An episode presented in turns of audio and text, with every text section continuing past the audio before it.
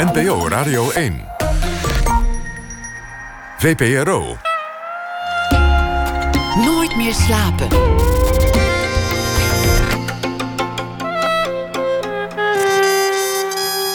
Met Esther Naomi Perquin. Goedenacht en welkom bij Nooit meer slapen.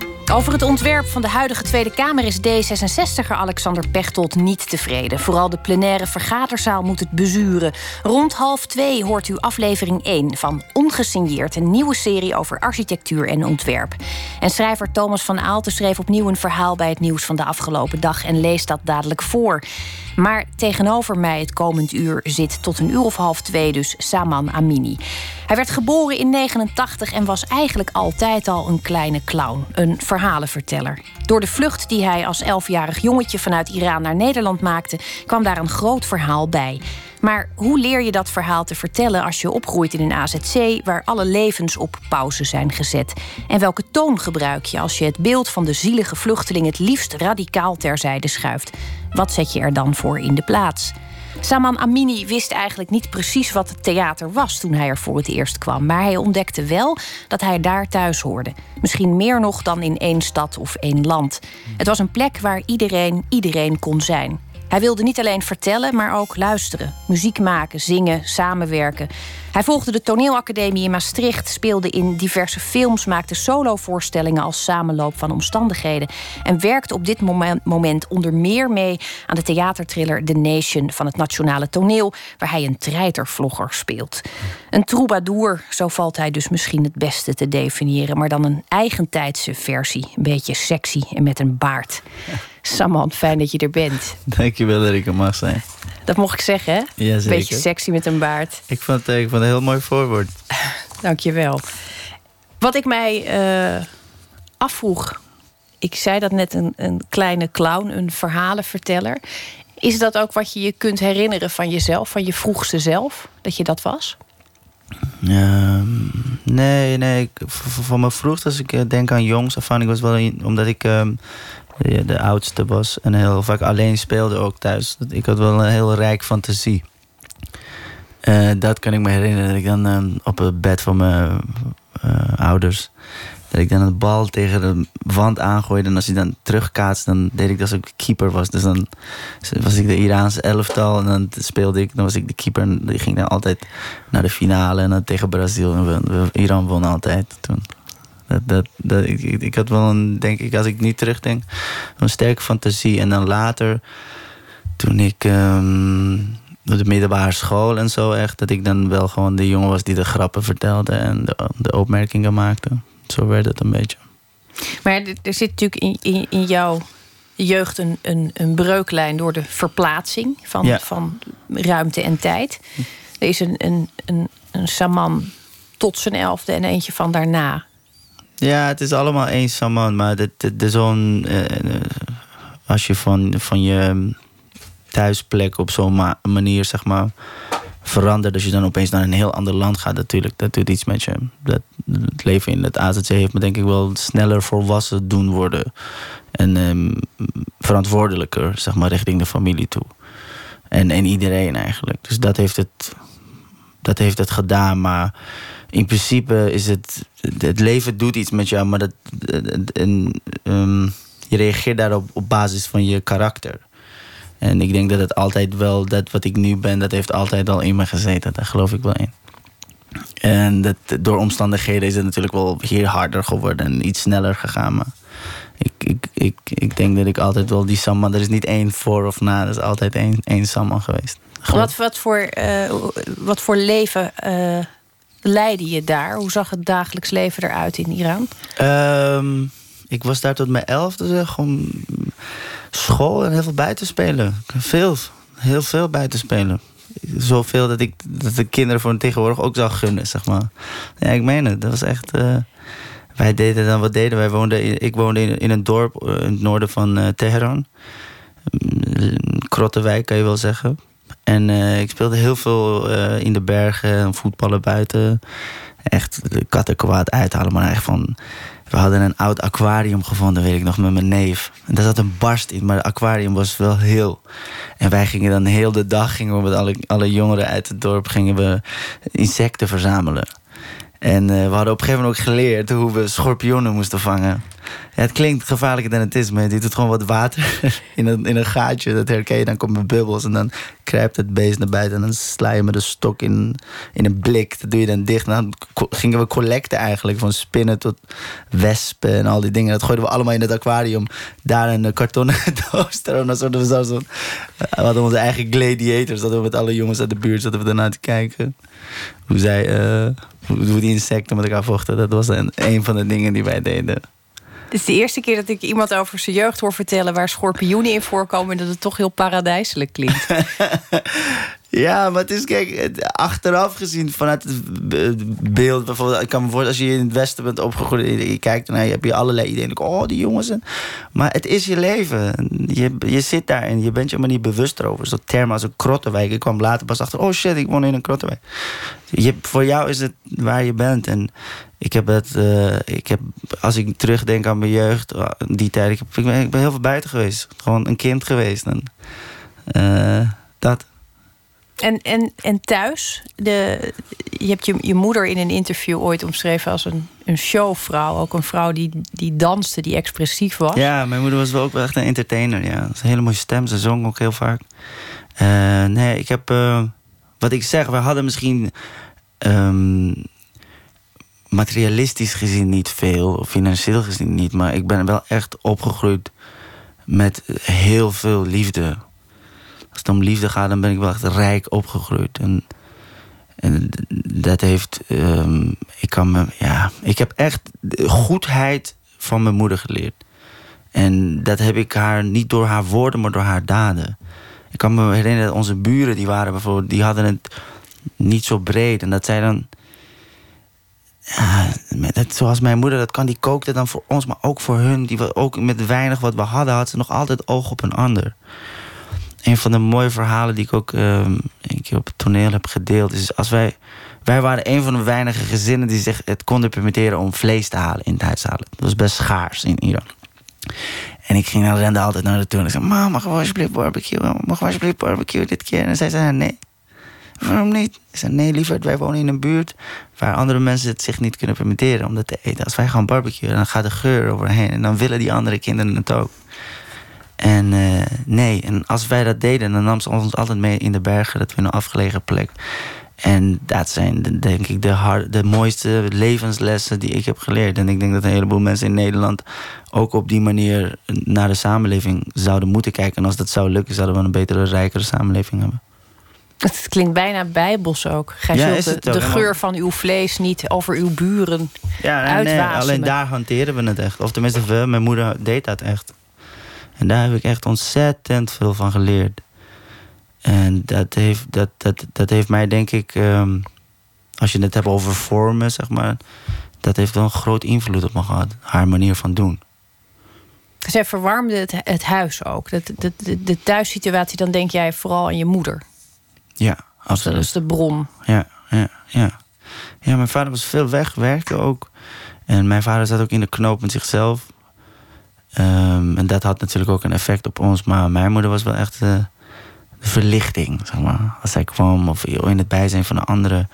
Zoveel energie, zoveel liefde, wijsheden. En um, ook heel speels. Eh, mijn moeder deed ook altijd van die stemmetjes en zo. Dus eigenlijk heb ik vooral met, met zang en de uh, en mijn speelsheid en dat gekte in me, dat, dat, ah, je dat heb ik echt van mijn moeder.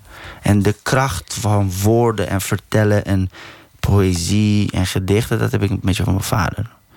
Mijn vader, ik heb, ik heb mijn moeder en mijn vader hebben beide een keer mijn vader en mijn moeder gespeeld in, in een project wat ik gedaan heb. En mijn moeder, die is gewoon alsof ze al jaren, dit ging heel makkelijk van haar af. En mijn vader, die kan gewoon niet spelen. Gewoon echt niet. Gewoon, hij heeft geen, geen talent voor, voor dat. Maar wel, hij is wel een goede gedichten voordrager. Maar je, je zei net, je vader zat in de knoop met zichzelf. Ja. Maar hoe merk je dat als, als jong kind? Wat, wat, wat zie je dan bij hem?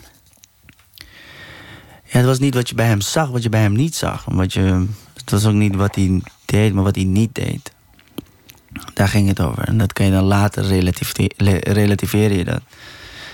Ehm, maar mijn vader was een. ehm, kon heel. ehm, heel hard zijn, heel hard, hardnekkig. En toen ik ouder werd, dan begreep ik allemaal waar het vandaan kwam. Maar toen in die tijd was het niet altijd leuk als hij er was. Zeg maar. Ik kan me, kan me herinneren dat, het- dat ons huiskamer wel een soort van in een gevangenis kon eh, veranderen in, met zijn, door zijn aanwezigheid. Beklemming. Beklemming, ja, dat is misschien een beter woord daarvoor.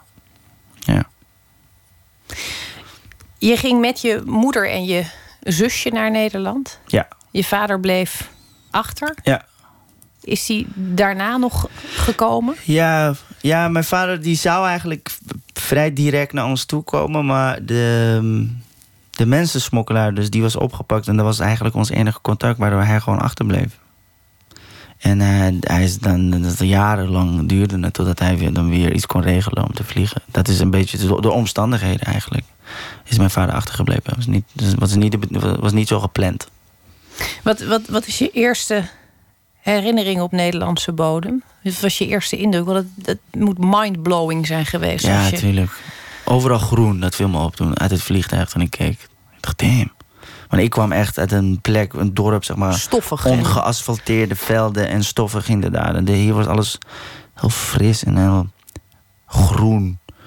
En ehm, ik kan me herinneren dat ik voor Schiphol ehm, zat ik op een bank en deed ik mijn schoenen uit. En het was helemaal wit geworden, mijn voeten. Omdat het weinig lucht had gekregen. Omdat ik met die schoenen had ik van twee dagen aan.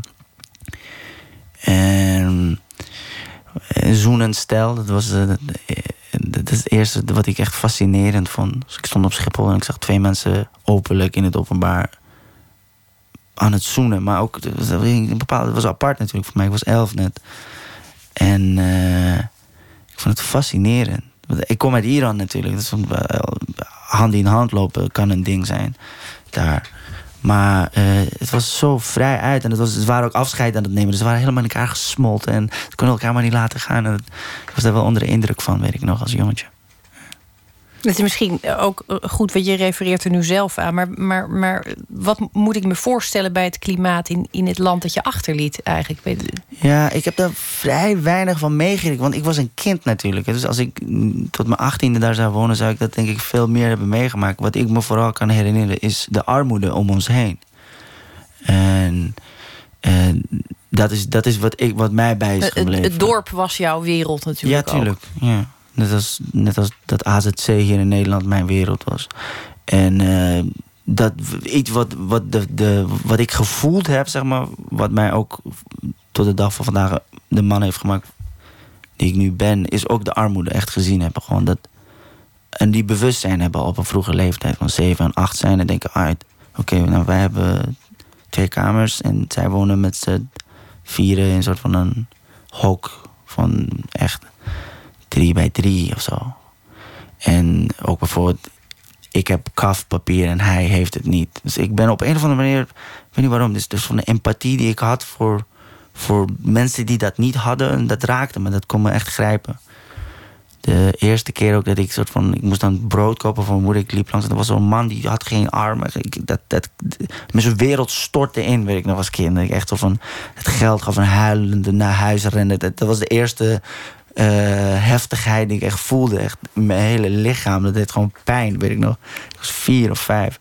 En toen, dat, dat is me echt wel bijgebleven. Van mensen die, hoe weinig een mens kan hebben in, in het ma- het materiële gedeelte dan natuurlijk. Eh, dat, was, dat was het klimaat van Iran, als ik eraan moet denken. Maar dat is natuurlijk niet per se Iran, maar je hebt ook de rijken en armen. Is een beetje net zoals Amerika. Maar ik woonde toevallig daar in, eh, tussen, de, tussen dat soort jongens. Maar goed, je, je, je ouders zijn in zee gegaan met een mensensmokkelaar. Dat is een ontzettend hachelijke transactie om te doen. Ja, ja, die die ja. v- vlucht voorbereiden. De- Heb, heb jij bij je moeder misschien gevoeld wat haar beeld was van het, van het regime of van de omstandigheden? Jong als je was, was je natuurlijk wel dicht bij je moeder. Er moet zich in haar van alles hebben afgespeeld. Wil je op het vliegtuig stappen met twee kinderen? Wil je die gigantische reis? Ja, ik denk dat ze, mijn moeder en zo hebben dat wel goed voor ons weten te verbergen. Want ik had ook met zo'n vakantiegevoel, zat ik ook in het vliegtuig, weet ik, weet ik nog. Van mijn haar was gedaan, want ik moest er heel goed uitzien. Ik moest eruit zien alsof ik een soort van Europeaan was. En mijn haar, ik had nieuwe schoenen en eh, mensen spraken Duits. En ik kreeg de hele tijd van die stokbroodjes die ik mijn hele leven in die tekenfilms had gezien. En eh, ik vond het fantastisch. Ik bleef mijn brood vragen, weet ik ook nog. Dat, en dat kon ook gewoon. Dus eh, eh, kijk, als je, als, je, als je zo je nest verlaat, alles wat je tegenkomt is nieuw, waardoor dat geen ruimte overlaat. Omdat je, kon, je bent constant aan het incasseren, incasseren, incasseren. Dus je hebt helemaal geen tijd om te denken over waar ben ik nu weggegaan. En eh, ik, had het, ik had vrijwel de, tijd van mijn leven ook ergens, weet ik nog. Het is, het is- het is bizar. Het is bizar, je kunt het je niet voorstellen. Alles is nieuw. Echt van, van borden tot alles. Van het licht in een huis. Dus dat was wel fascinerend vooral.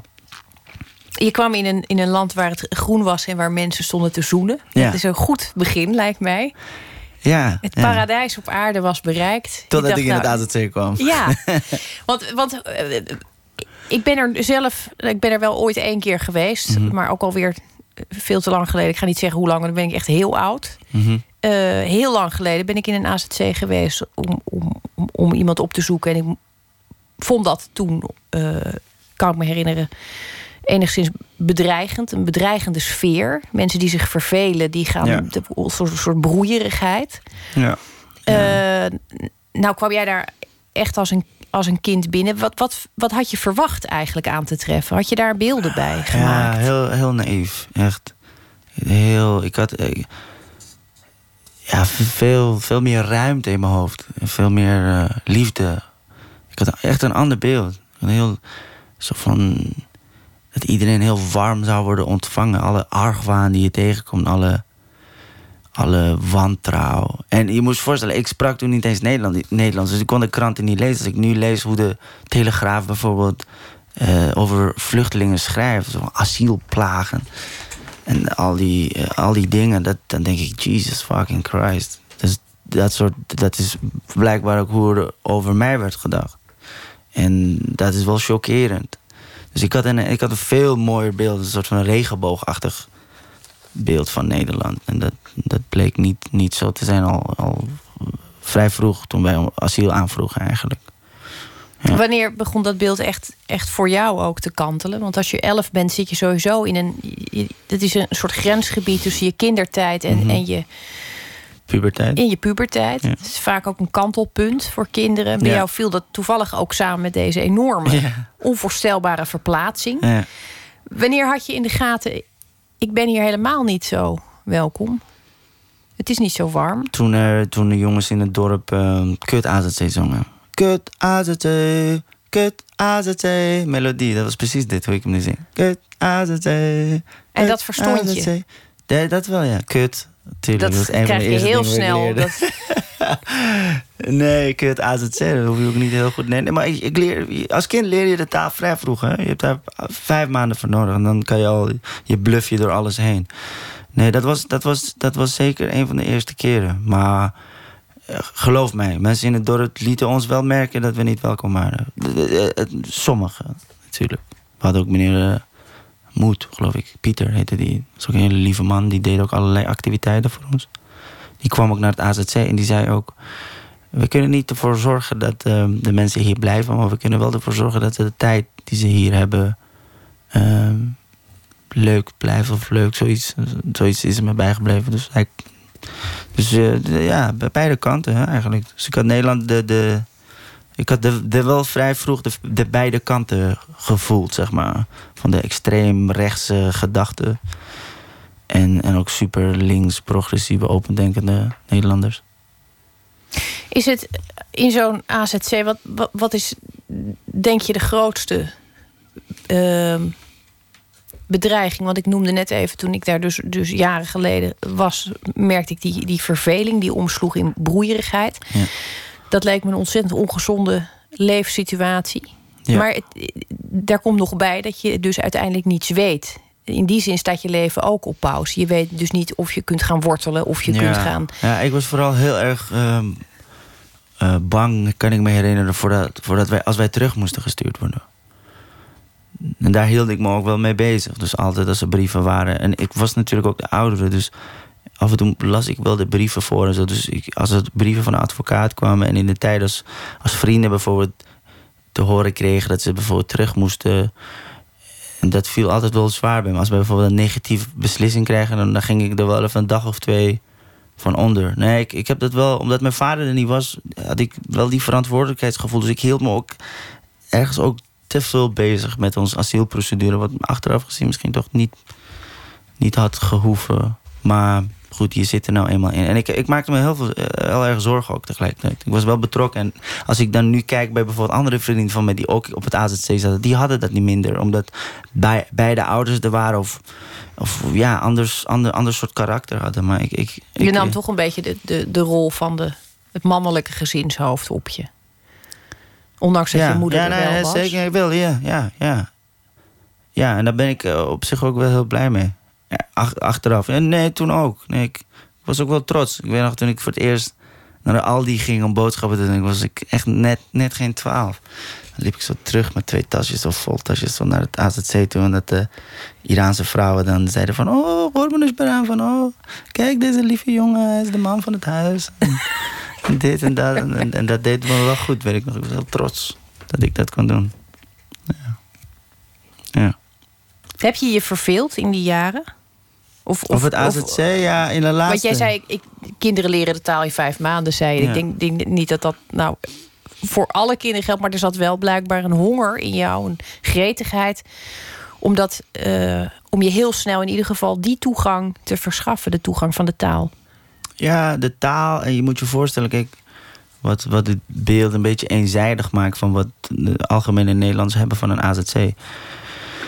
Is dat, eh, kijk, als, als, als jongen van 11, 12, 13, je, al je vrienden zitten in één gebouw. Dus als de, die niet kwam, dan was die er vast wel, of die andere was. Dus dat was ook wel tegelijkertijd hel en hemel in, in, in, één, in één gebouw. Dus dat, we hebben ook, ik heb ook wel echt tijd van mijn leven gehad. Ik voetbal en maar voetballen en maar spelen. En dus, eh, dus het was ook wel, we ook heel veel hele hoge pieken ook wel. Maar het laatste jaar vooral, toen, toen ik zeg maar een beetje de hoop opgaf. Ik ging ook niet meer naar school. Dat ik dacht, ja, wat voor zin heeft het? Wellicht worden we toch... Ik, dus ik begon ook een beetje pessimistisch te worden in mijn houding en zo. Toen bleef ik wel heel lang eh, op het AZC zitten. Dus toen heb ik de verveling wel gevoeld, echt tot laat in de nacht. Van buiten praten, een beetje eten en dan slapen tot laat in de middag. Als dat langer zo door was gegaan, dan, eh, dan was er iets misgegaan met me, denk ik. Maar gelukkig... Was je, was je ook boos in die tijd? Ja, on- ontzettend. Nog steeds eigenlijk. Nee, ik was sowieso al wel een beetje aanleg voor een beetje zo'n boos jongetje. Ehm, waar dat doorkomt, ja. n- Niet echt aangeleerd van hoe je moet communiceren, denk ik.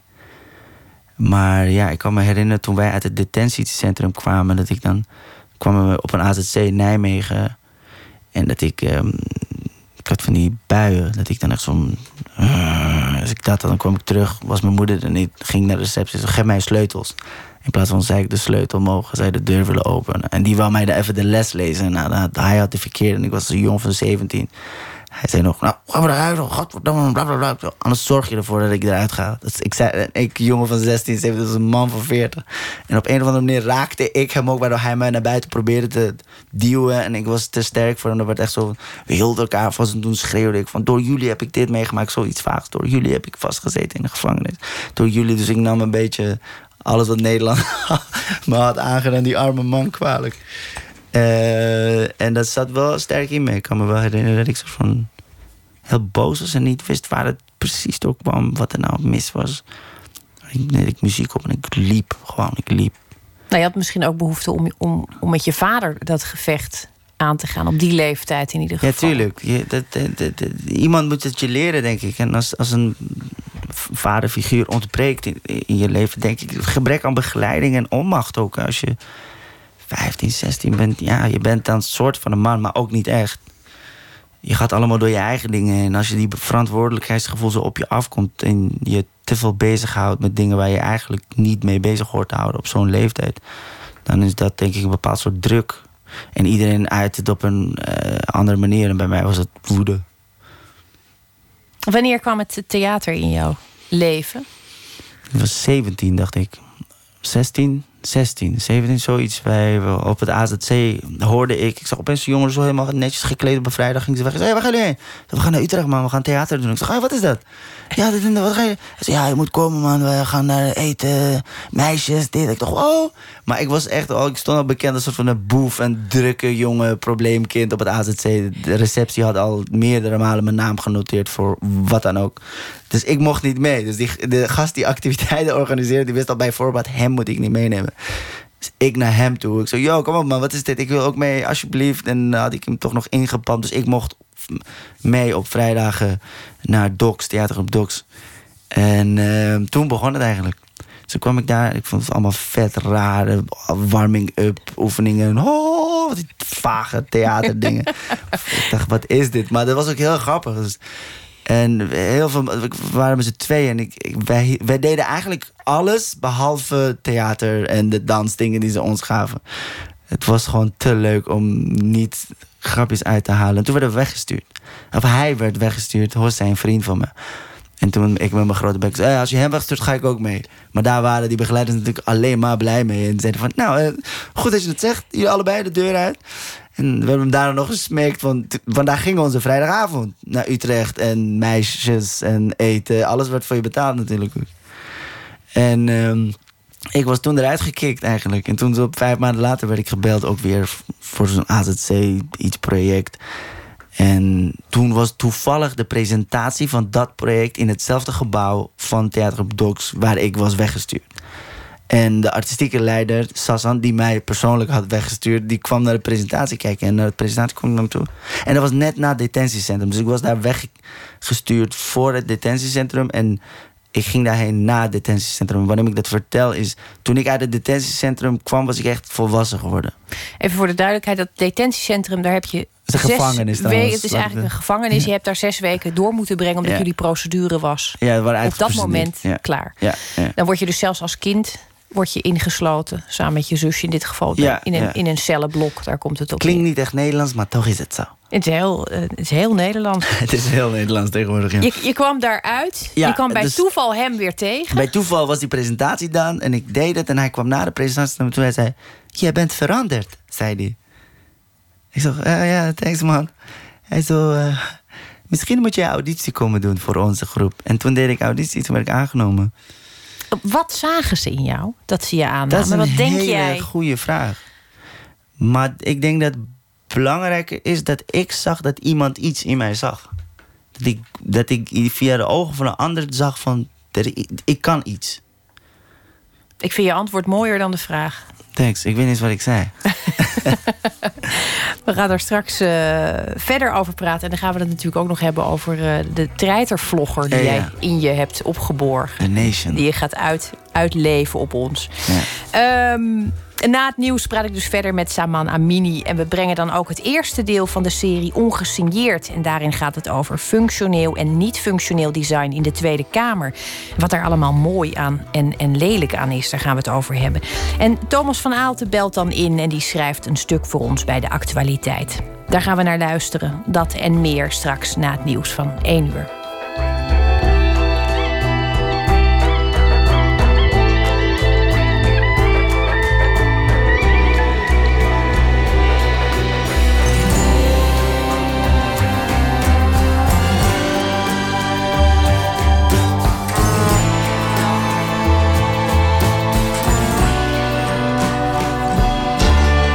Radio 1. Het nieuws van alle kanten.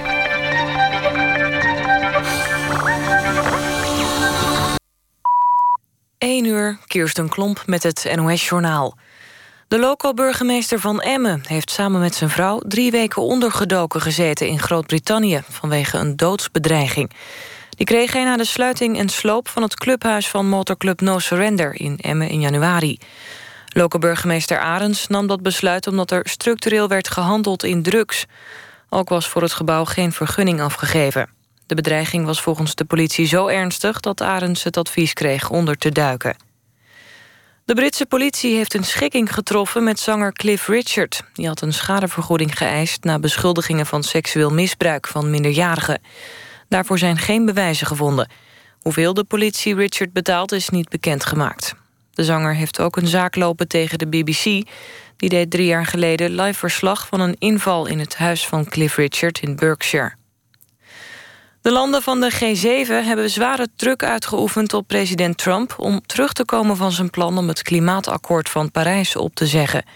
Op een top op Sicilië bestaat voorzichtig optimisme... over een koerswijziging van de Amerikanen. Een medewerker van Trump zegt dat de president tijdens de G7-top... veel heeft geleerd over het klimaat.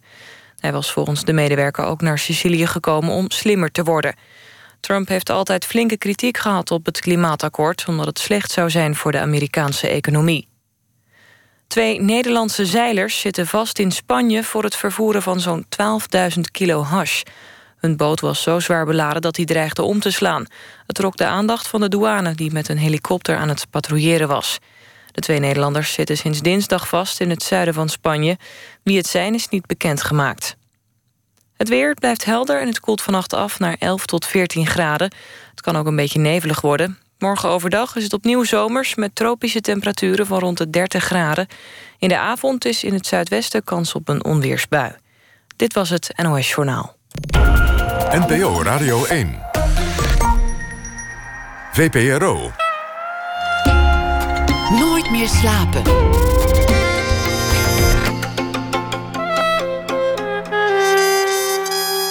Met Esther Naomi Perquin.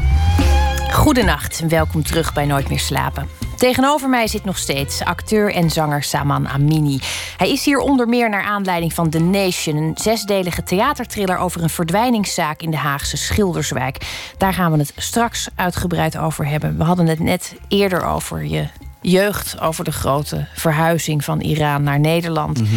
Dat toen nog groen en vochtig leek. En met, vol met zoenende mensen. En wat toch heel anders bleek uit te pakken. En we eindigden eigenlijk het, het gesprek net met, met, met mijn vraag. Wat werd er in jou gezien toen je ontdekt werd, toen je theatrale kanten werden aangesproken? Wat, wat zagen die mensen eigenlijk in jou? En, en jij zei dat daar ging het niet om. Het ging erom dat ik zag dat er iets in mij gezien werd. Ja. En dat vond ik een heel mooi, eh, mooie omschrijving, omdat het ook aantoont dat, je, dat er een soort hunkering in jou. Die hunkering die er al die tijd in gezeten heeft om gezien te worden, gehoord te worden, er te mogen zijn, ergens te mogen zijn. Ja. Dat werd op dat moment kwam dat. Ja, ik denk dat het echt een. dat, dat iedereen daarna streeft. Een hunkering om gezien te worden. Ik denk dat dat ons alle één maakt. Dat is de enige overeenkomst wat alle mensen met elkaar hebben. Dat we, aan het einde van de dag zijn wij op zoek naar gezien worden, liefde. Overleven is voelen dat je, dat je nodig bent voor iemand. En dat maakt ons allemaal één. En ik denk dat dat ook echt iets is. Als ik heel veel van de Marokkaanse jeugd bijvoorbeeld spreek, dat ik voel dat dat, dat, dat, dat ontbreekt in het leven van veel van die jongens. Niet per se Marokkaanse jongeren, maar de jongeren die ik heb gesproken toen ik aan het toeren was met de theatervoorstelling Jihad. De, de minderwaardigheidscomplex, dat zit diep en diep in dat soort jongens. Sommigen hebben het zelfs niet eens door. En ehm, als je het hebt over dat ik zeg van... Ik, ik zag dat iemand iets in me zag.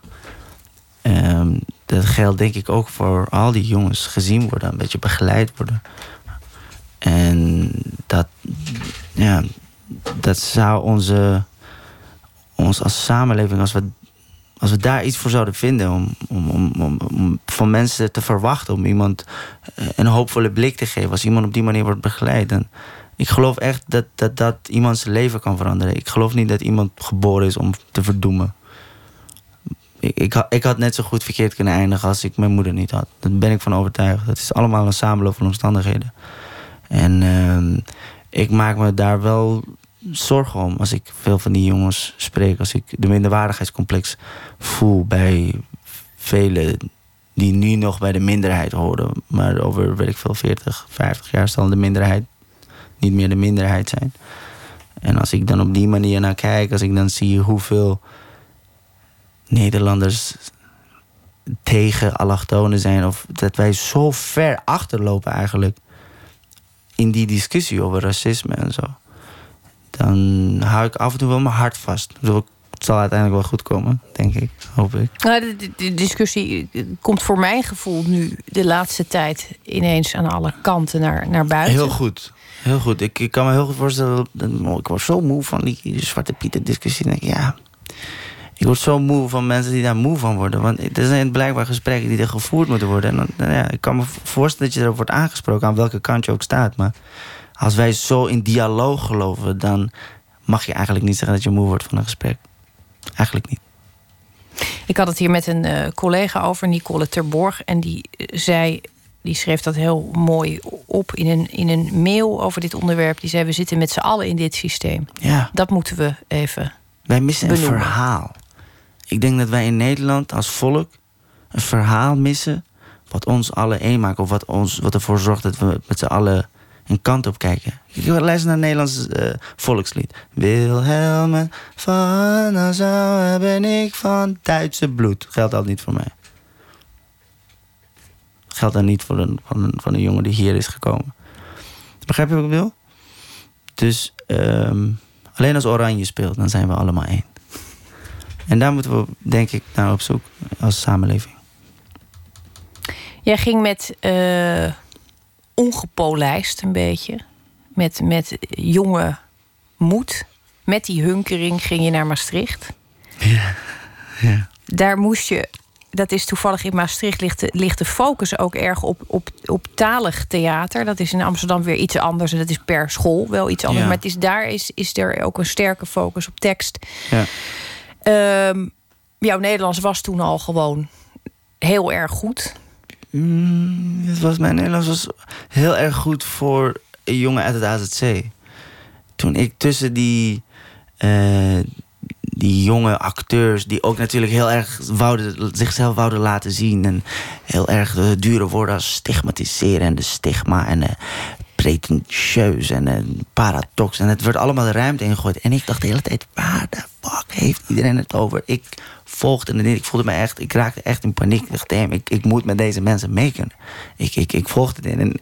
maar ik, mijn motivatie was zo groot. Ook nadat ik uit het detentiecentrum kwam, ik kan me herinneren ik zei: Ik weet niet wat ik ga worden, maar ik weet dat ik kan worden wat ik wil worden. Dus ik liet me niet tegenhouden daardoor. Dus het was, ik, was niet paniek, maar ik dacht: Oké, er is werk aan de winkel. Dat is misschien beter verwoord. En toen ging ik dus naar een van mijn docenten en ik zei: Joh, kan je mij helpen erbij? Toen spraken we af dat ik woorden opschreef. En eigenlijk heel basic, gewoon elke dag woorden opschrijven die je niet kent. Wat ik nu, eigenlijk zou ik dat nog altijd moeten doen heb dat wel laten varen. Maar ik heb dat op de toneelschool heb ik dat structureel gedaan voor twee, drie jaar. En dat, dat, dat, dat heeft heel erg geholpen. Het, het je vinger op durven steken in een vergadering. Als er een woord valt of een term valt die je niet snapt. Geen schaamte, ik deed het altijd. Ja. Ik, ik denk dat, ik merk dat dus heel vaak, dat er een enorme rem op zit.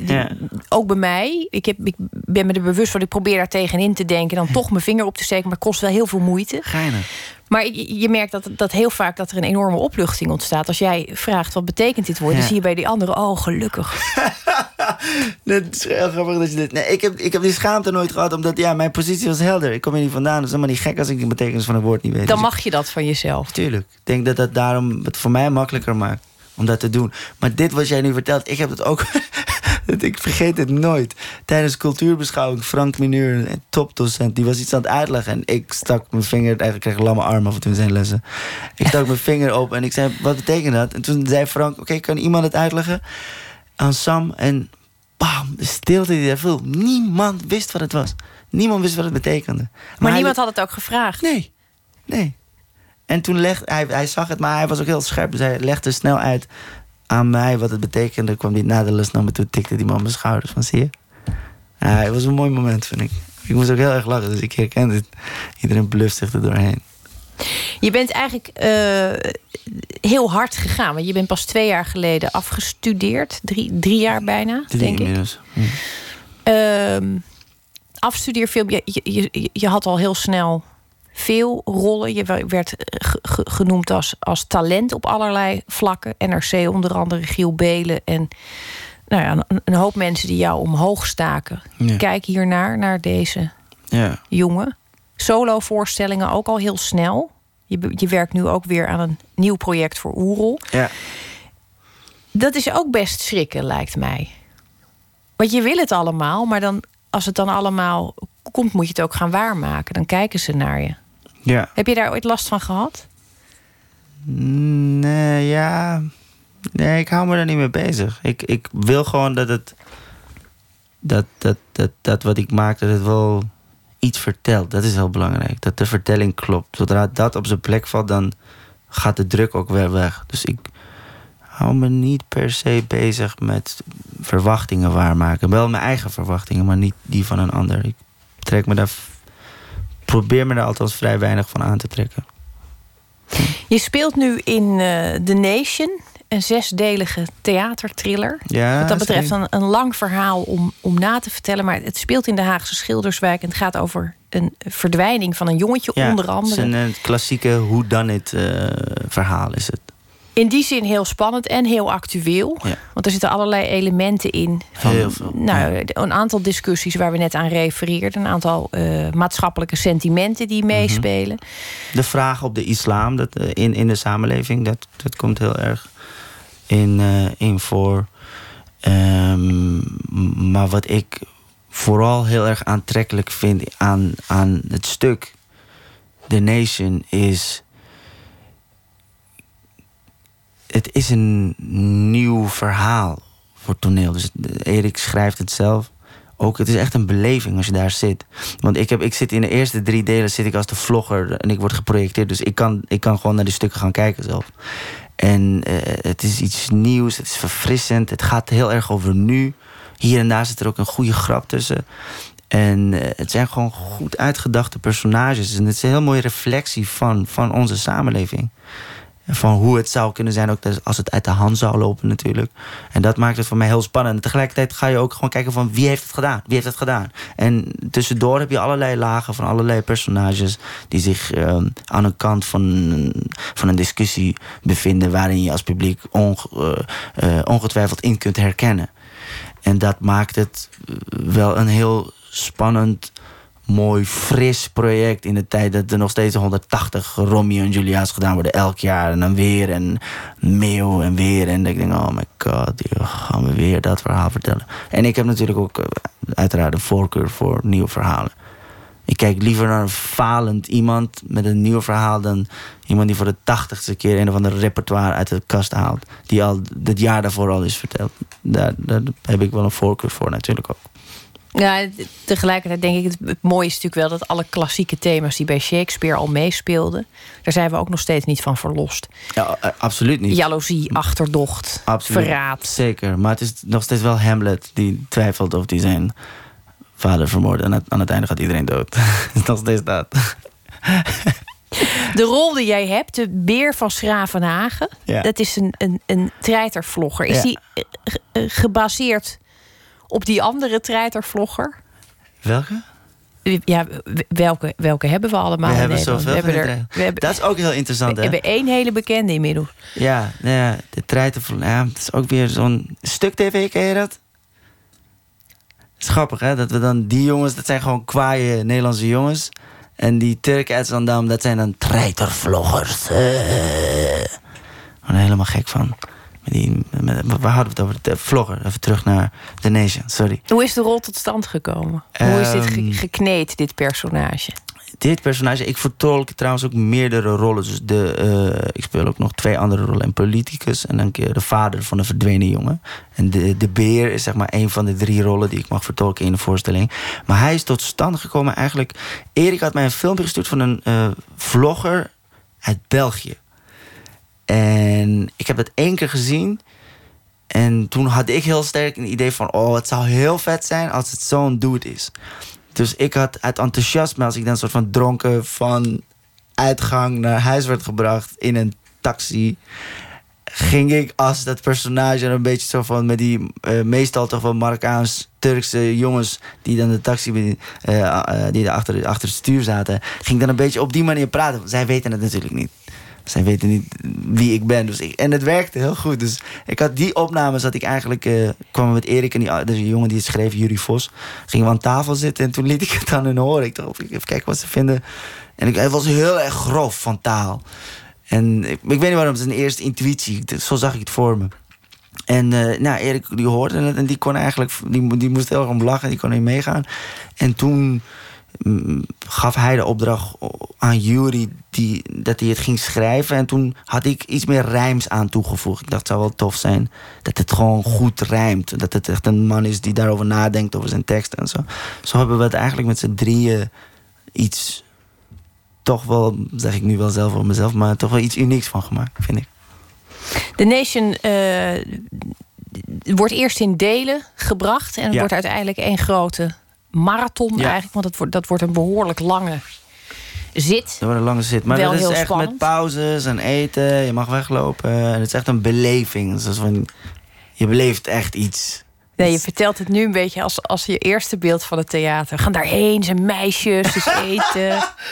ja, kijk, je moet natuurlijk van theater houden. Maar uh, het is niet... Uh, van mensen die niet van theater houden... voor wat voor reden dan ook... Dit, is, dit komt ook wel in de buurt van series en film. Waardoor het echt een ervaring kan zijn voor je... als je dat wil uitproberen. En... Uh, het is een lange zit, maar er zitten allemaal dingetjes ertussen. En je niet zes uur lang op je stoel zit om daarna te kijken. Als het goed is, voel je ook niks van die zes uur. Jij zei net toen die teksten tot stand kwamen, toen dacht ik, er moet rijm in. Dat is jouw gevoel voor, voor uh, ritme en, en muziek. Ja. Ehm, we, we kunnen daarover gaan praten, maar het is misschien gewoon beter als we gaan, gaan luisteren naar je muziek. Ehm, we gaan een, een uh, mooie single horen, Dunne Lijn. En die komt uit jouw eerste solo-voorstelling. En die heet Samenloop van Omstandigheden. Ja.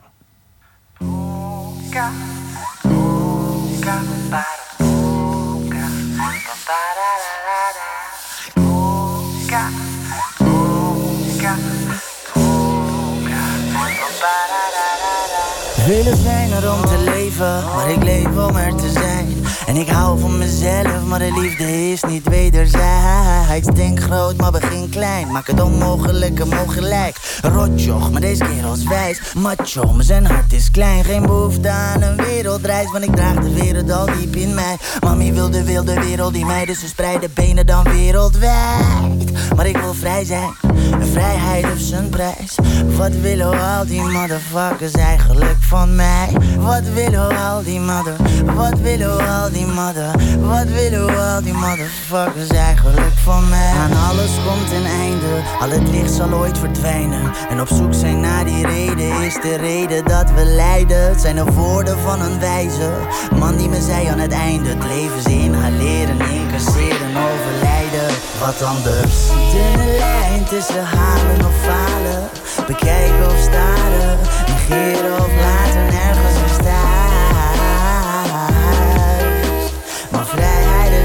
motherfucking prijs. Er is een dunne lijn tussen halen of falen, bekijken of staren, negeren of laten nergens verstaan. Maar vrijheid is een motherfucking prijs.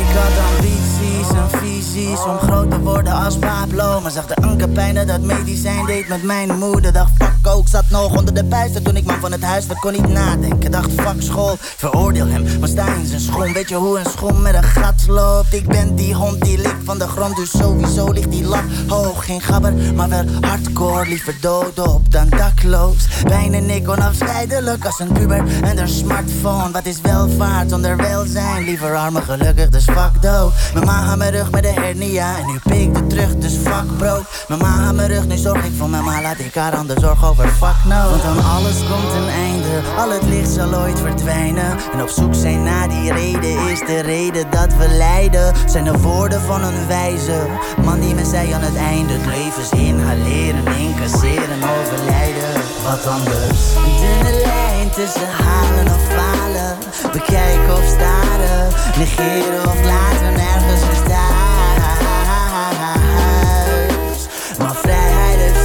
Motherfucking prijs. Er is een dunne lijn tussen halen of falen, bekijken of staren, negeren of laten nergens verstaan. Maar vrijheid heeft zijn motherfucking prijs. Verdwaald wezen. Zijn we het niet allemaal? Zijn we het niet allemaal? Op zoek naar een nieuw verhaal. Ik ben geen vluchteling, planeetgenoot. Op zoek naar een nieuw bestaan. Buitenlander, buitenbeentje, buiten fuck you is de naam. Yeah. fuck you is de naam. Buiten fuck you is de naam. Ik leg een dunne lijn om de pijn te verstillen. Mami wil me beminnen, maar ik ben vernietigd van binnen. Nergens is thuis, nergens is thuis. Nergens is thuis, nergens is thuis, nee, yeah. Wat willen we al die mother, wat willen we al die mother,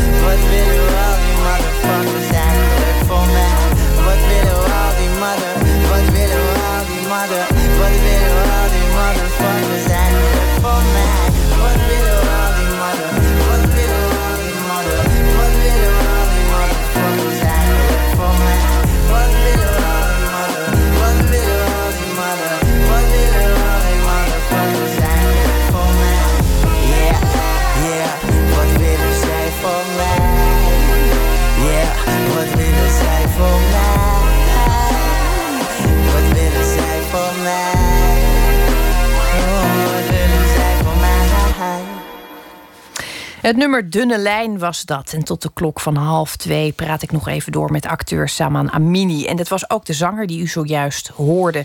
We hebben het gehad over, over de, de Nation. En naar aanleiding daarvan kwamen we eigenlijk op jouw gevoel voor ritme en het ingrijpen in de, in de taal. Als jij liedjes schrijft, begint het dan bij de vorm of bij de inhoud? Wat is er eerst? Is er een deuntje of is er een zin? Ja, het gaat geleidelijk. Het, wel, het gaat altijd wel. Het gaat geleidelijk. Lastig. Het, het verschilt. Maar inhoud is wel heel belangrijk. Het, voor mij, ik, ik kies er altijd voor dat, dat het catchy moet zijn. Voor de mensen die toch alleen maar willen herhalen. Want veel mensen luisteren ook niet per se naar de tekst. Maar het moet wel ergens over gaan. Ik doe er ook vrij lang over om een verse te schrijven. Ik kan soms een jaar doen over een lied. Dat ik het soms denk, ah, nu ben ik hem ook, laat hem even liggen. En dan luister ik het weer. Dus ik neem echt mijn tijd voor, voor, voor de zinnen die ik uitkies. Wat ik vertel. Wie is je eerste luisteraar? Als je het gaat voor het eerst gaat laten horen.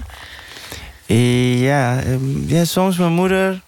Soms eh, wie er in de buurt is. Bram Suikers, een vriend van me. Eh, het verschilt. Ik stuur het, eh, het- met wie ik omga in die periode. Maar er zijn een aantal vrienden van me die echt van mijn muziek houden ook. Waardoor eh, die laat ik meestal stuur ik ze iets op als ik iets heel vets heb. Maar ik vooral zelf. Ik, als ik iets heb, soms kan ik me echt achter elkaar horen. Ik, denk ik, ja, dat is- ja, grappig, want er zit nu, nu je het over je muziek hebt, komt er een soort verlegenheid over je gezicht. ja. Net hadden we het over acteren en toen was die er helemaal niet, die verlegenheid. Het was iets gewoon wat, wat er stond. Maar die muziek is volgens mij, daar heb je meer moeite voor moeten doen. Meer moeten durven om daarmee ja. naar voren te komen. Dat zie je heel goed. Ja, ja het, is, het is omdat muziek is zo persoonlijk. Acteren is, je staat in een stuk als, als mensen zeggen... ja, ik vond het niks, maar ik vond jou wel goed. Oh, lekker, ja. Dan ben je er vanaf. Maar acteren is gewoon ik. Ik kies alles, het is mijn hart, het is mijn verhaal. Dat is altijd spannend. Is ook een hel als je de eerste keer... als je jezelf terug hoort, je bent dan net in de studio geweest... je hoort het terug, je, wilt ermee stoppen gewoon. Je wilt ermee kappen. Je denkt, oh, maar ik haat me. Wat is dit? Wat is mijn stem? En wat zeg ik? En oh, wat ben je weer... zien? Is al die commentaar die je hebt op jezelf. En dus je, het, het vergt gewoon veel meer moed om dat te doen. Ik weet dat er zoveel jongens zijn die ervan gedroomd hebben om iets uit te brengen of om muziek te maken. Alleen als ik in mijn omgeving kijk. En eh, ik ben een van de weinigen die dat heeft gedaan. En ik begrijp ook waarom heel veel mensen het niet doen. Want het is gewoon ondankbaar, man. Je kan zes maanden aan iets hebben gewerkt en dan je hoort hem. Ik vind het keert. Dat, is het. Dat, gaat jouw soort van werk en effort en alles wat je hebt gedaan. Dus, dat, dat is de reden, denk ik, dat ik daar verlegen over ben. Of ja, ongemakkelijk. Je, je, je refereert veel aan, eh, aan jongens die in de positie zitten waar jij in hebt gezeten. Of in een soortgelijke positie. Positie van buitenstaanderschap. Van niemand die je ziet staan. Ja.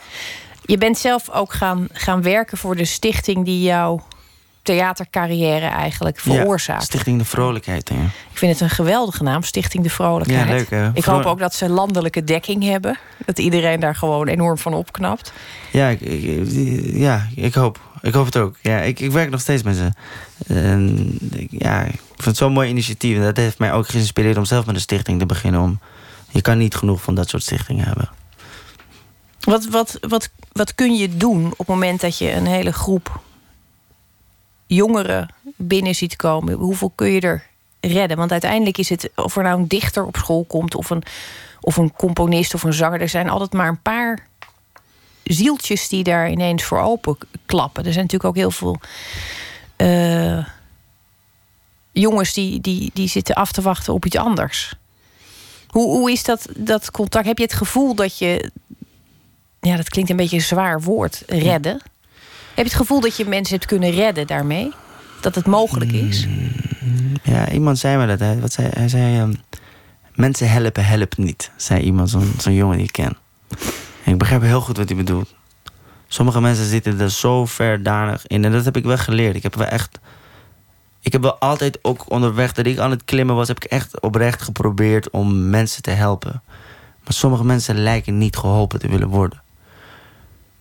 En dat is heel confronterend. Want dan geef je eigenlijk op aan iemand. Dat is heel pijnlijk om, om daar te stil bij te staan dat dat niet altijd kan. Soms moet je denken, ja, jij bent gewoon zo en ik ga jou niet meer kunnen helpen. Het is ook zonde van je energie. Ik doseer mijn liefde liever. Dat heb ik geleerd. En, maar als je het hebt over workshops, als wij dan met 15 jongeren uit het AZC op kamp gaan, het boeit niet of je ze redt. Je hebt ze even voor een week uit het AZC gehaald. En het zijn allemaal jongens vol levenslust en passie. En ik voel me altijd ook echt een stuk alsof ik weer thuis ben. Alsof ik weer terug ben naar waar ik vandaan kom of zo. En dat voelt altijd heel fijn om dat te doen. Dus wat dat betreft red je even iedereen van vijf dagen. Maar, uh, en dat is ook de insteek. Het gaat denk ik niet per se om redden. Het gaat om mensen zien. Gewoon af en toe iemand gewoon aankijken van... yo, je bent goed bezig. En ik denk dat iedereen dat eh, kan waarderen. Elk mens, wat ik zo eerder had ik daar, het, eh, het, ook daarover. Daar doe ik het denk ik meer voor. Als het gaat om werken met stichtingen en workshops geven aan jongeren. Het zien en het, en het gezien worden, dat zijn eigenlijk twee hele essentiële thema's gebleken in dit gesprek. Ja, ik, ja, ja. Je hebt het een uur met mij uitgehouden. Dat vind ik op zich al een. Het is al voorbij, hè? Zo een snel prestatie. Nee, ik vond het een zeer aangenaam, uh, aangenaam gesprek. Ik ook. Ja. Saman Amini, dank je wel uh, voor je komst. The Nation uh, gaan we sowieso uh, massaal heen, stel ik voor. En Oerol komt ook nog. Ja. Ga je met een, met een, met een vierkoppige team ja. ga je ons verblijden. Ja, met de Seat at the Table heet het. Mochten, mochten mensen willen komen kijken. Seat at the Table. Ja. Dank je wel dat je er was. Heel erg graag gedaan.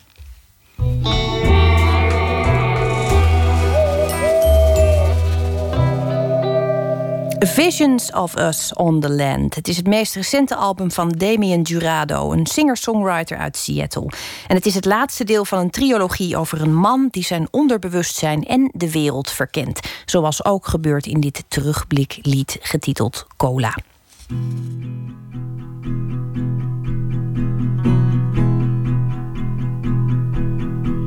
I look upon my time See the snapshots of my life.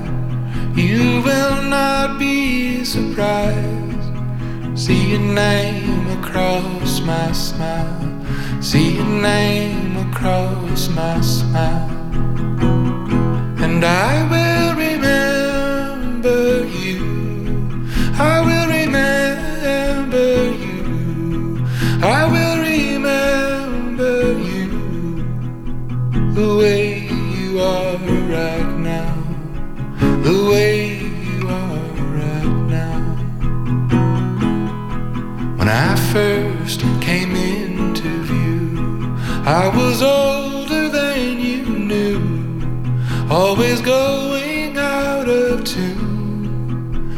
Anytime you leave the room, anytime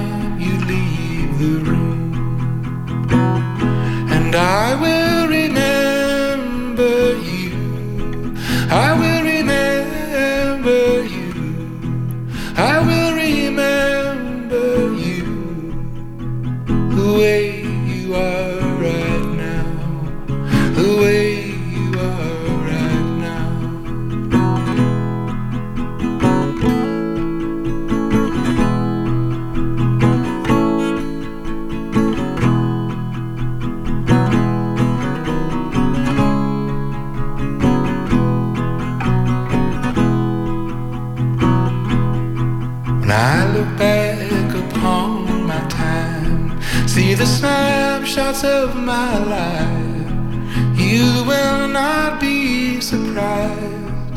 To see your name across my smile, see your name across my smile, and I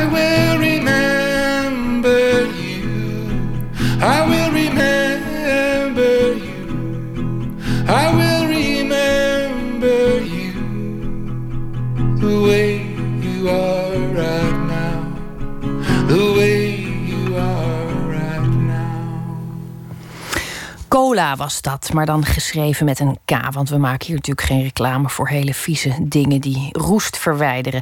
En het was een liedje van Damien Durado. Nooit meer slapen.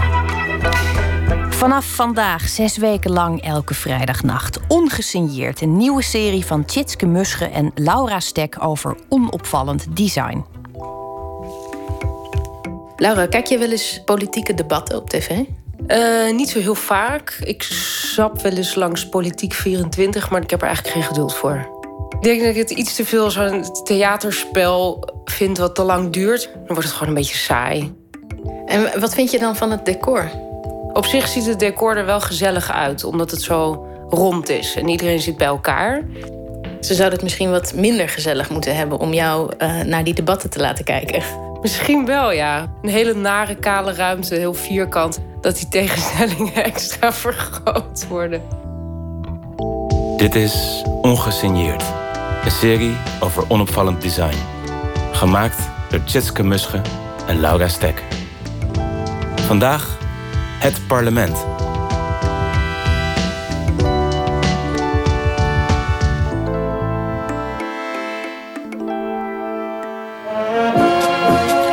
Voor de opening van het nieuwe Tweede Kamergebouw zijn 5000 gasten uitgenodigd. Afgevaardigden uit alle Het is provincies. 28 april 1992.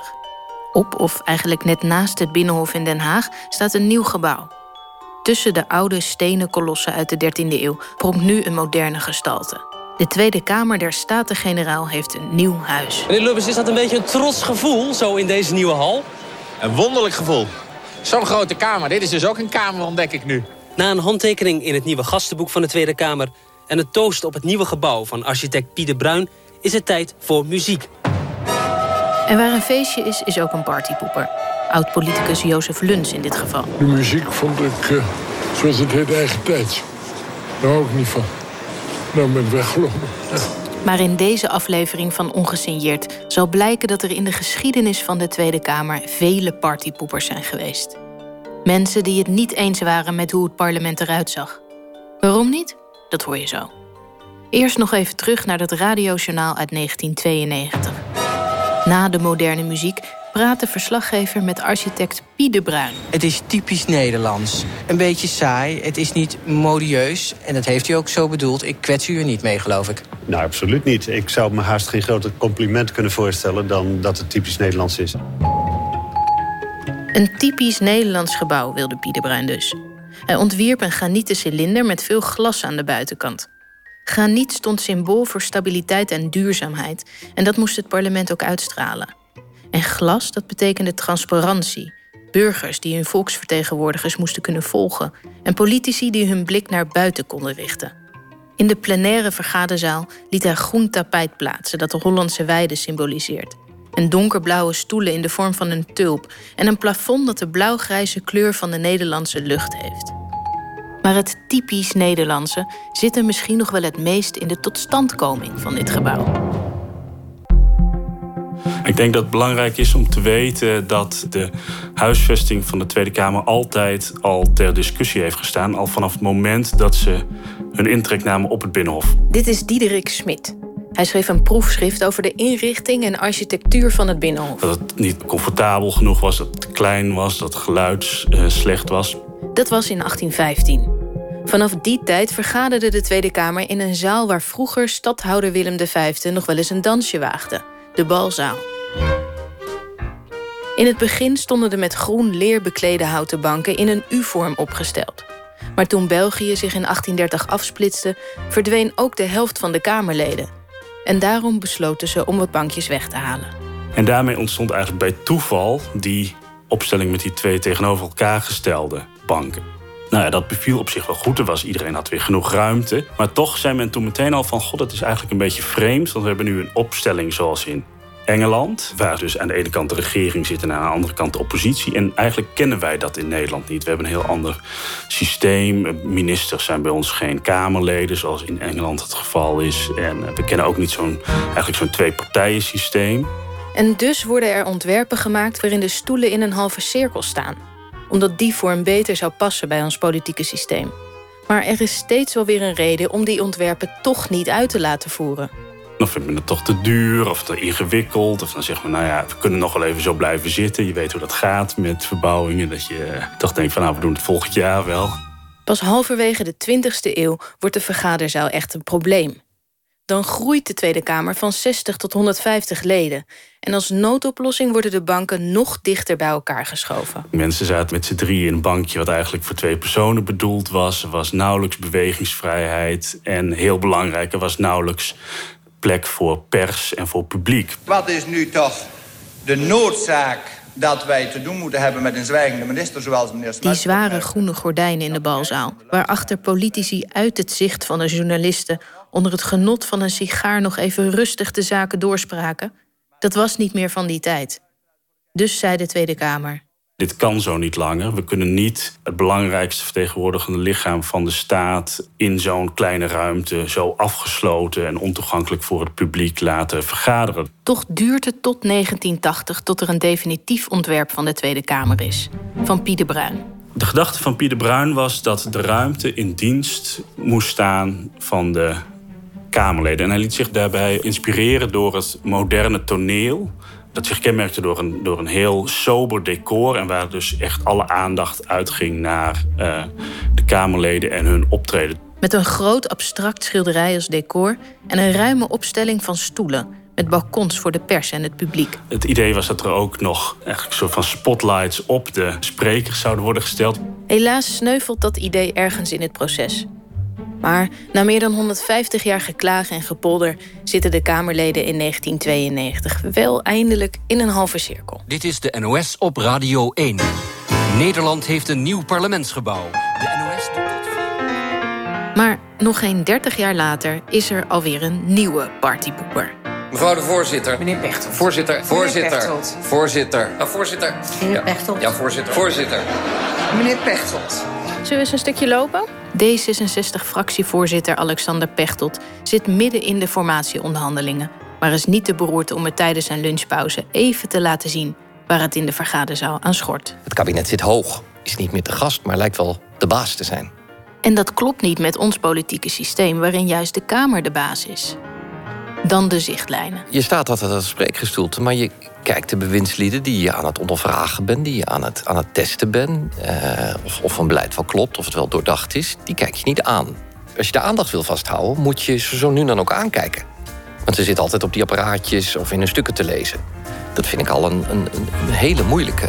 We komen bij de hoge tafel waar Kamerleden kunnen interrumperen. Als je interrumpeert, sta je naast elkaar met je rug naar je collega's. En daarom staat hij ook wel bekend als. De pisbak. Ja, niet door mij verzonnen, maar zo wordt hij genoemd. En dan de zaal. Veel te groot, vindt Pechtold. Kijk, we hebben een paar keer per jaar van die hoogtijdagen. Uh, de algemeen politieke beschouwing na Prinsjesdag. Of als er een nieuw kabinet komt. Dan zitten er hier 150 mensen en een vak vol ministers. En dan heeft iedereen het idee, ja, zo moet het. Maar al die andere debatten, dan zien mensen tv-beelden. Dan zien ze acht mensen daar op die eerste rijtje zitten. En denken ze, oh, die rest is zeker niks aan het doen. Zakkenvullers. In een tijd dat mensen nauwelijks weten wie die mensen zijn. Wat ze nou eigenlijk doen. En er wel veel onbegrip en ongenoeg is, vind ik dat je alles moet aangrijpen om het inzichtelijk te maken. Ik heb het wel eens vergeleken met een voetbalwedstrijd. Stel, je weet helemaal, je komt van een andere planeet, je weet niks van voetbal.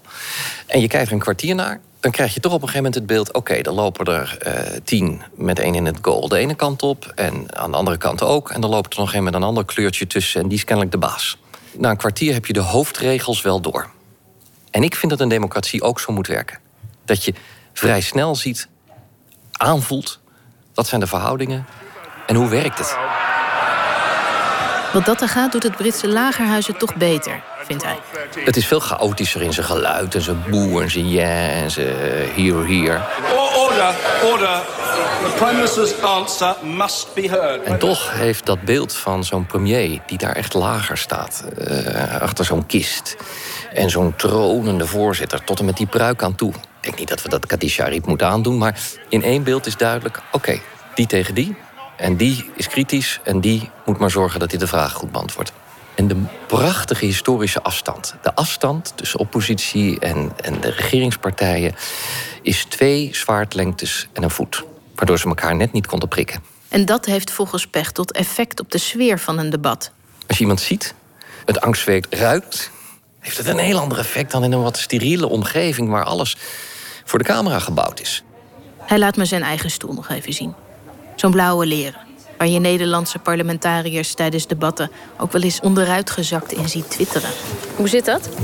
Nou, het zit op zich prima. De stoelen in de commissiezalen zijn erger. Uh, maar het draait. Uh, het is redelijk comfortabel.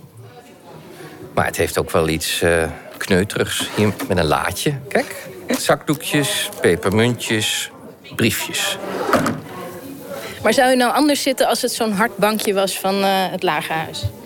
Zou je anders in het debat zitten? Nou, ik denk dat als je minder riant zit... dat het debat ook wel een uurtje korter kan.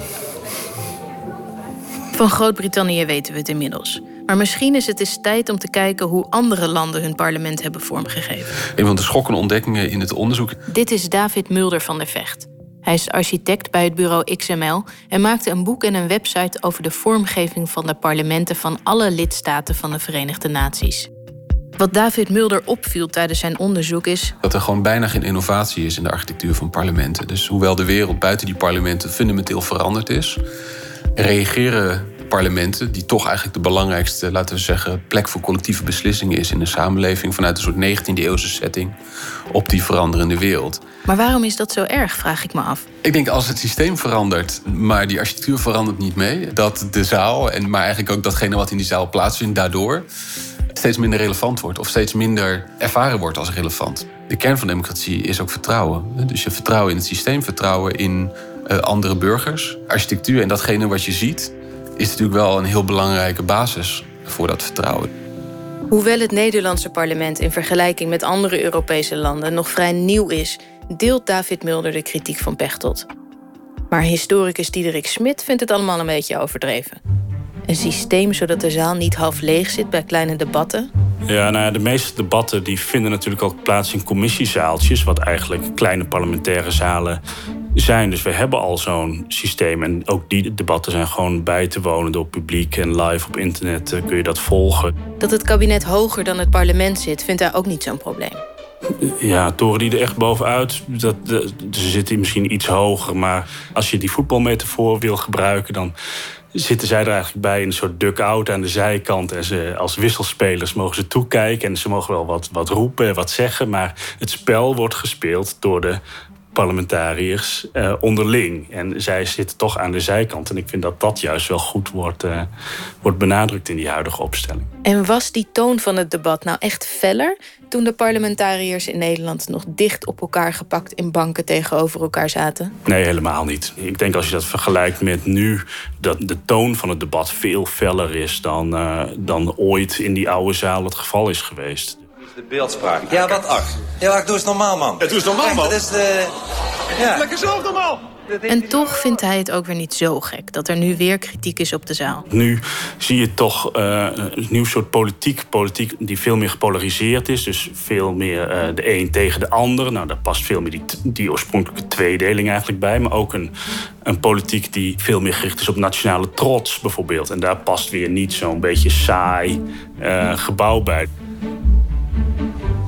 Misschien gaat er ook wel wat veranderen binnenkort. Vanaf 2020 wordt namelijk het hele Binnenhof gerenoveerd.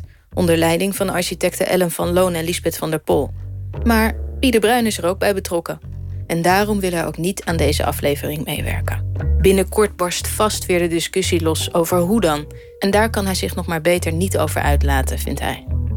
De Tweede Kamer zal straks tijdelijk ergens anders vergaderen. En David Mulder hoopt dat er daar geëxperimenteerd gaat worden. Ontwerp is ook echt iets wat uh, niet alleen gaat over mooie dingen maken, maar wat ook nieuwe dingen mogelijk maakt. Dingen die we misschien niet eens kunnen bedenken. Je zou een zaal moeten maken die uh, veranderbaar is. En dat je datgene wat je daarin leert vervolgens kunt gebruiken op het moment dat je terugverhuist naar uh, het Binnenhof. Zo'n tijdelijke en veranderbare vergaderzaal maakte hij zelf vorig jaar samen met Max Cohen-de-Lara en Jurgen Bij voor de Europese Raad in Brussel. Je kunt een meer confronterend debat hebben in een deel van de zaal waar je eigenlijk letterlijk tegenover elkaar zit.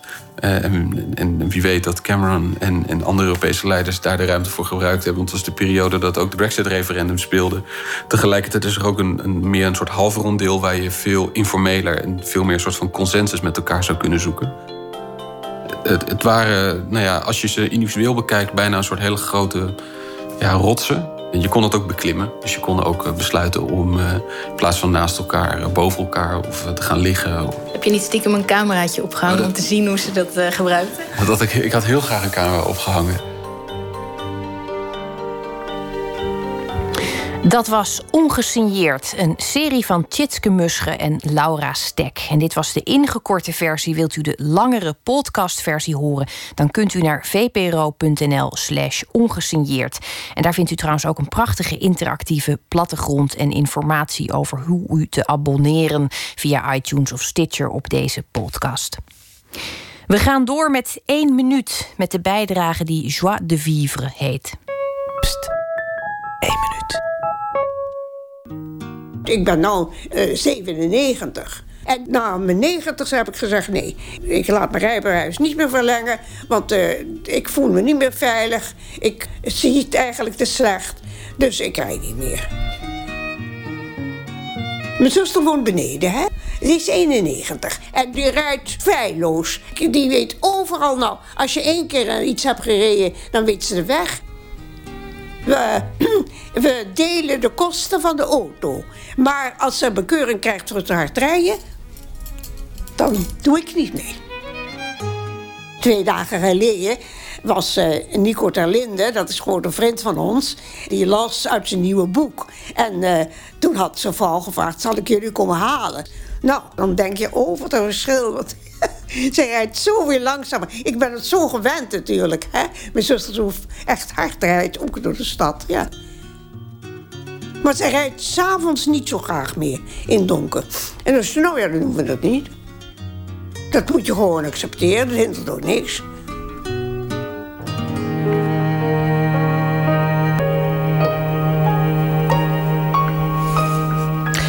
Hoorde een 1 minuut gemaakt door Dorothee Forma met dank aan het Mediafonds.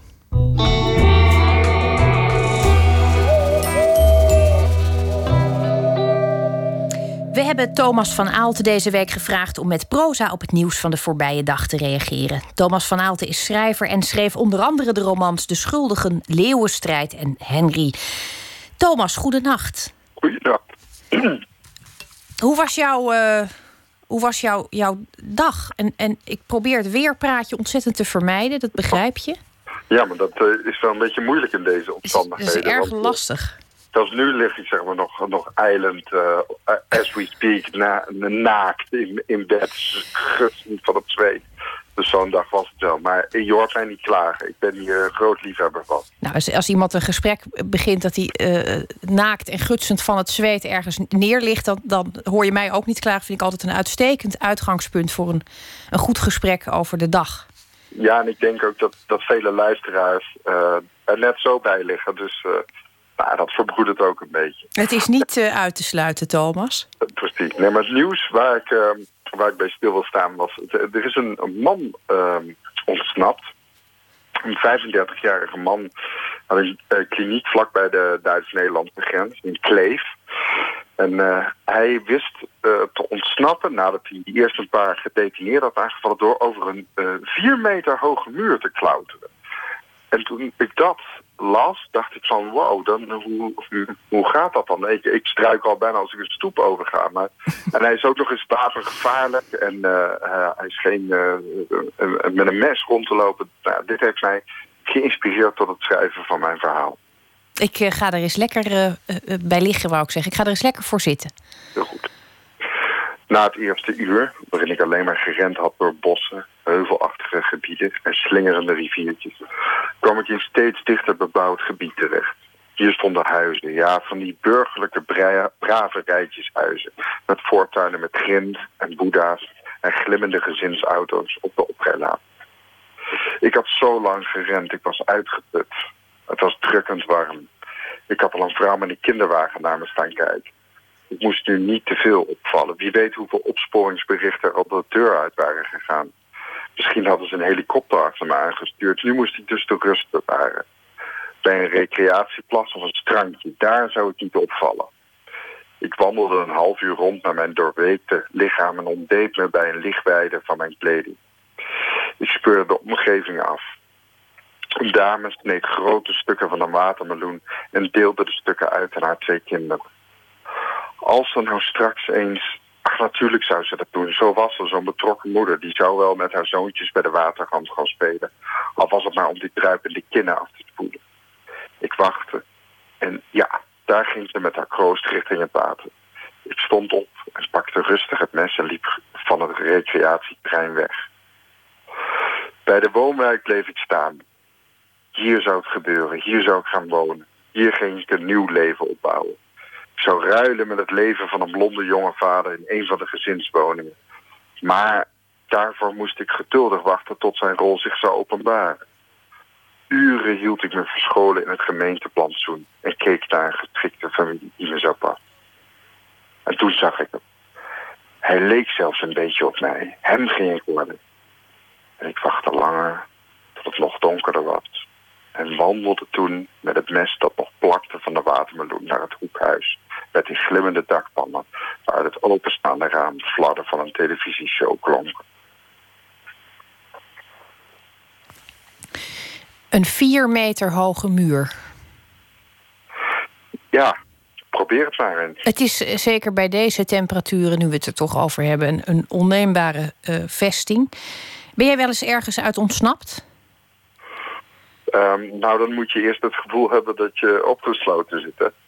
Ik ben altijd zo iemand die dan maar eh, rustig eh, blijft wachten. En als een soort uh, monnik gaat, eh, gaat wachten tot, tot beter eh, nieuws of zo. Je in, in liften opgesloten zit. Volgens mij ben ik nog nooit echt in een blinde paniek geraakt dat ik dacht, nu ben ik weer opgesloten.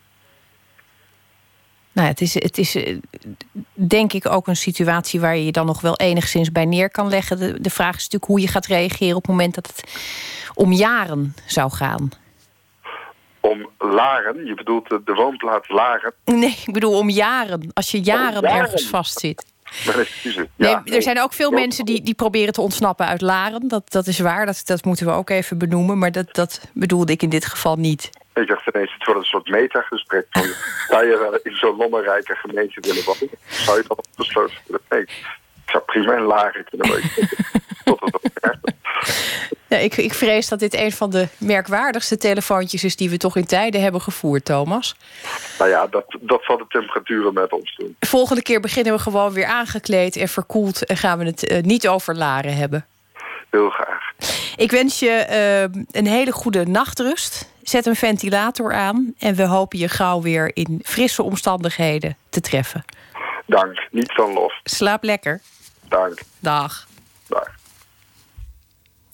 We sluiten af met poëzie van Tsit Bruinja. Hij publiceert zowel in het Fries als in het Nederlands. Zijn laatste bundel heet Binnenwereld, Buitenwijk, Natuurlijke Omstandigheden.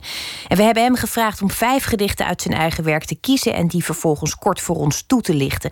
Hij eindigt de reeks met een titelloos gedicht.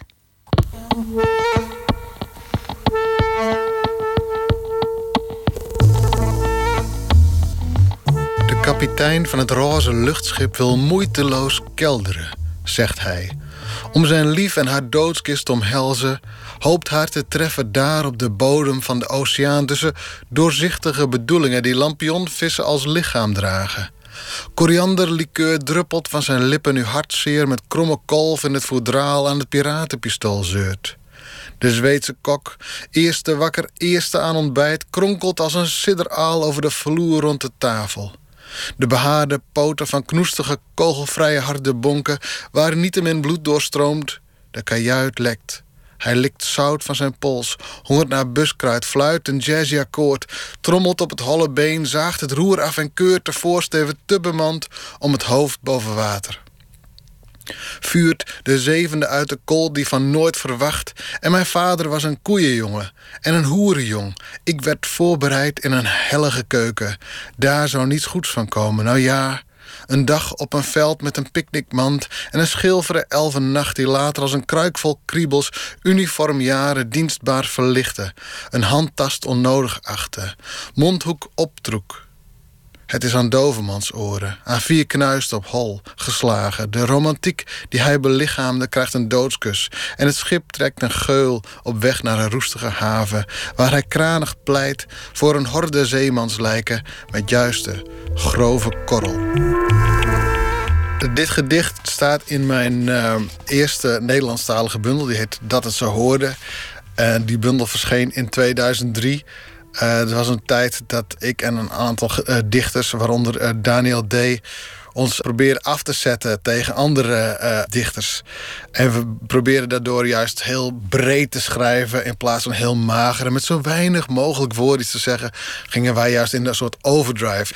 Dus we probeerden hele vette, dikke gedichten te maken. En dit gedicht gaat voor mij over dit is een soort fantasieverhaal over een kapitein op een luchtschip.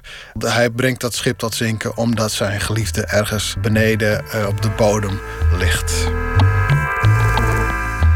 De kapitein van het roze luchtschip wil moeiteloos kelderen, zegt hij. Om zijn lief en haar doodskist omhelzen, hoopt haar te treffen daar op de bodem van de oceaan, tussen doorzichtige bedoelingen die lampionvis als lichaam dragen. Korianderlikeur druppelt van zijn lippen nu hartzeer... met kromme kolf en het voedraal aan het piratenpistool zeurt. De Zweedse kok, eerste wakker, eerst aan ontbijt... kronkelt als een sidderaal over de vloer rond de tafel. De behaarde poten van knoestige, kogelvrije harde bonken... waar niet bloed doorstroomt, dat kajuit lekt... Hij likt zout van zijn pols, hongert naar buskruid, fluit een jazzy-akkoord, trommelt op het holle been, zaagt het roer af en keurt de voorsteven te bemand om het hoofd boven water. Vuurt de zevende uit de kolt, die van nooit verwacht. En mijn vader was een koeienjongen en een hoerenjong. Ik werd voorbereid in een hellige keuken. Daar zou niets goeds van komen. Nou ja, een dag op een veld met een picknickmand... en een schilferige elfennacht die later als een kruik vol kriebels... uniformjaren dienstbaar verlichtte. Een handtast onnodig achtte. Mondhoeken optrok. Het is aan dovemans oren. Aan vier knuist op hol geslagen. De romantiek die hij belichaamde krijgt een doodskus en het schip trekt een geul op weg naar een roestige haven waar hij kranig pleit voor een horde zeemanslijken met juiste, grove korrel. Ja, niets uitgebeende taal. Tseert Bruinja was dat met een dik, vet en toch nog titelloos gedicht.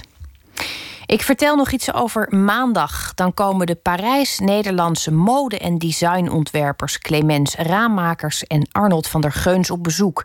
Samen vormen zij het makersduo Ravage. Na een carrière van ruim 40 jaar presenteert Museum Arnhem een overzichtstentoonstelling van hun werk. En zij schuiven dus maandag samen aan bij Pieter van der Wielen. Straks kunt u nog luisteren naar De Nacht van de Radio, gepresenteerd door Malou Holshuizen. Met een keur aan nieuwe stemmen, makers en onderwerpen. Dat allemaal voor wie de slaap nog steeds niet kan vatten. Voor wie dat wel kan, er liggen misschien nog uitmuntende dromen in het verschiet. En ik wens u in ieder geval een hele mooie nacht.